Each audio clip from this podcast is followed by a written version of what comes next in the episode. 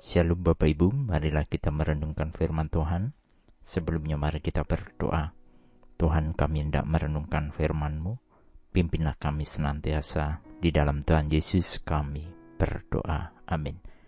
Bacaan saat ini diambil dari Yohanes 10 ayat 15. Yohanes 10 ayat 15.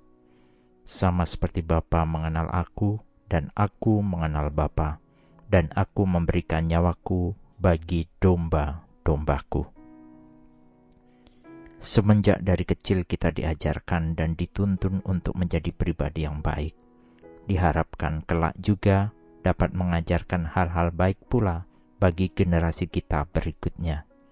Orang tua kita yang mengajari kita juga telah memperoleh ajaran-ajaran yang baik pula dari orang tuanya atau kakek nenek kita. Demikianlah seterusnya semua orang akan berpikir untuk senantiasa berbuat baik, dan tentunya ini ada di dalam buah pikiran sebagian besar orang. Ini menjadi tanggung jawab kita sebagai orang tua, dan itulah keinginan orang tua yang benar bagi anak-anaknya. Perikop bacaan saat ini adalah tentang gembala yang baik. Allah Bapa di dalam Yesus Kristus adalah gembala yang baik. Dia Allah yang juga Bapa kita yang senantiasa terus mau mengajarkan hal-hal yang baik. Dia menjaga, memelihara, dan memberikan teladan, bahkan perintah untuk kita terus lakukan.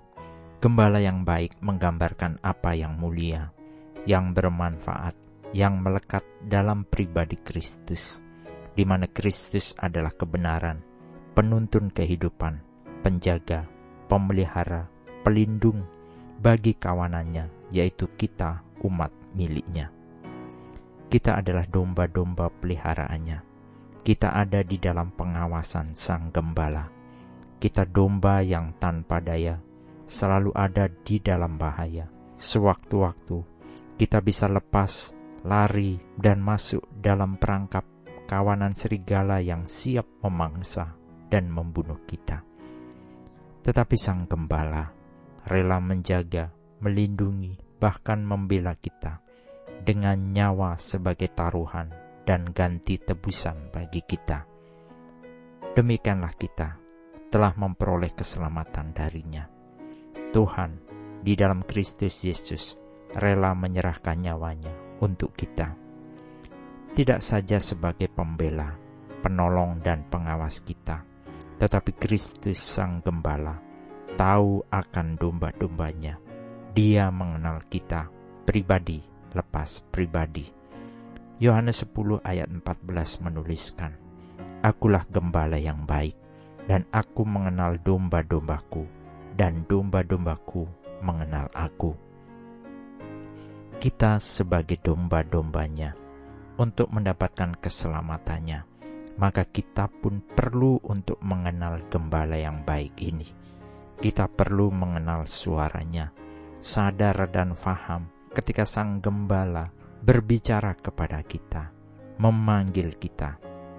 Maukah kita terus untuk belajar mengenal suara Tuhan, mengenal Sang Gembala melalui firman-Nya, melalui perenungan pribadi yang kita lakukan setiap waktu, dan kita pun bisa belajar dari kehidupan di sekeliling kita.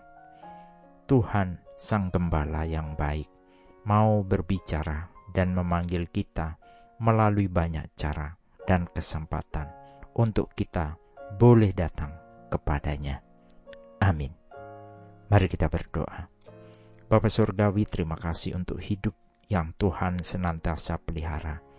Engkau adalah gembala bagi kehidupan kami. Kami domba-domba yang mudah tersesat dan disesatkan.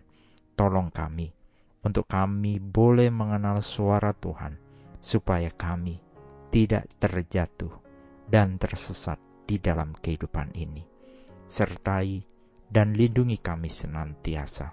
Di dalam Tuhan Yesus, kami berdoa. Amin. Tuhan Yesus memberkati. Shalom.